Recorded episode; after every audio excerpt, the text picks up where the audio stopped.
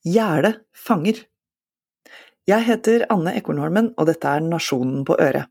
I dag er det 15. april. Hvis de skal vinne tilbake velgerne som tviler, må Arbeiderpartiet og Senterpartiet vise at de ikke er Høyre. Velgernes syn på rikspolitikken har endra seg minimalt den siste måneden.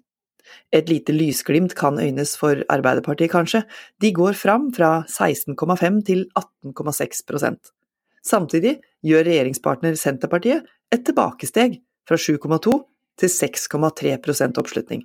Hvis det hadde vært stortingsvalg i dag. At Høyre går tilbake fra 32,9 til 30,8% kan med en dose optimisme på Youngstorget tolkes som at noe er på gang i riktig retning for Jonas Gahr Støre. Men alle tall er innenfor feilmarginen i det nyeste partibarometeret fra Nordfakta for Nasjonen og Klassekampen. Det mest slående er derfor hvor stabil situasjonen er jevnt over for alle partiene, og hvor mange velgere som sitter på gjerdet. Blant dem som stemte Arbeiderpartiet i 2021, sier nå 27% at de ikke veit hvem de ville stemt på i dag. For Senterpartiet er tilsvarende tall 26% Mer enn hver fjerde velger er altså i tvil. De kjenner ikke igjen det partiet de satte sin lit til for bare 19 måneder siden. Tidligere statsråd for Arbeiderpartiet, forsker og professor Gudmund Hernes, peker på hvor han mener det butter. Folk vil sitat, vite hvor partiet vil ta landet og være sikre på at det ikke kjøres i motsatt retning. Sitat slutt. Det skriver han i Morgenbladet.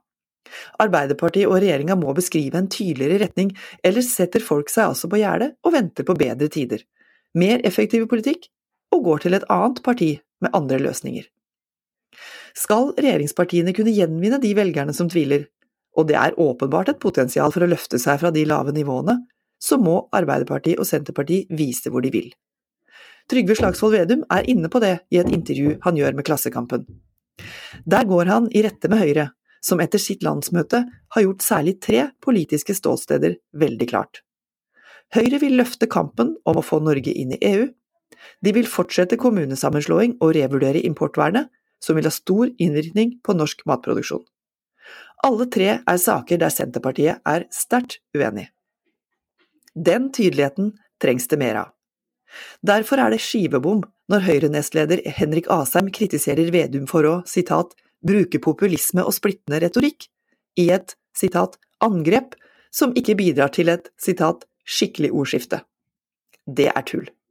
Å imøtegå politiske standpunkt med motargumenter er ikke splittende retorikk.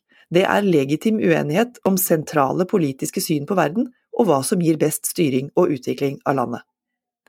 For velgerne er ikke bare opptatt av at politikerne svarer på deres hverdagsutfordringer, de er også avhengig av å faktisk se forskjellene mellom partiene, forstå hva som er de reelle veivalga, de ideologiske alternativene.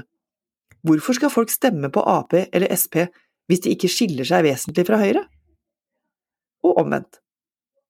Høyre har vært lavmælt i debattene om strømpriser, utvekslingskabler og kraftpolitikk, ikke ropt så høyt at de faktisk er helt enig med regjeringas politikk på det området. Det har de tjent på lenge. Men nå brygger det opp til lokalvalgkamp, og det er helt nødvendig for alle partier å flagge saker og være synlig. Fem måneder før kommune- og fylkestingsvalget kan Venstre, Frp, KrF og MDG notere litt framgang siden målinga i mars, på nasjonalt nivå. SV og Rødt går bitte litt tilbake.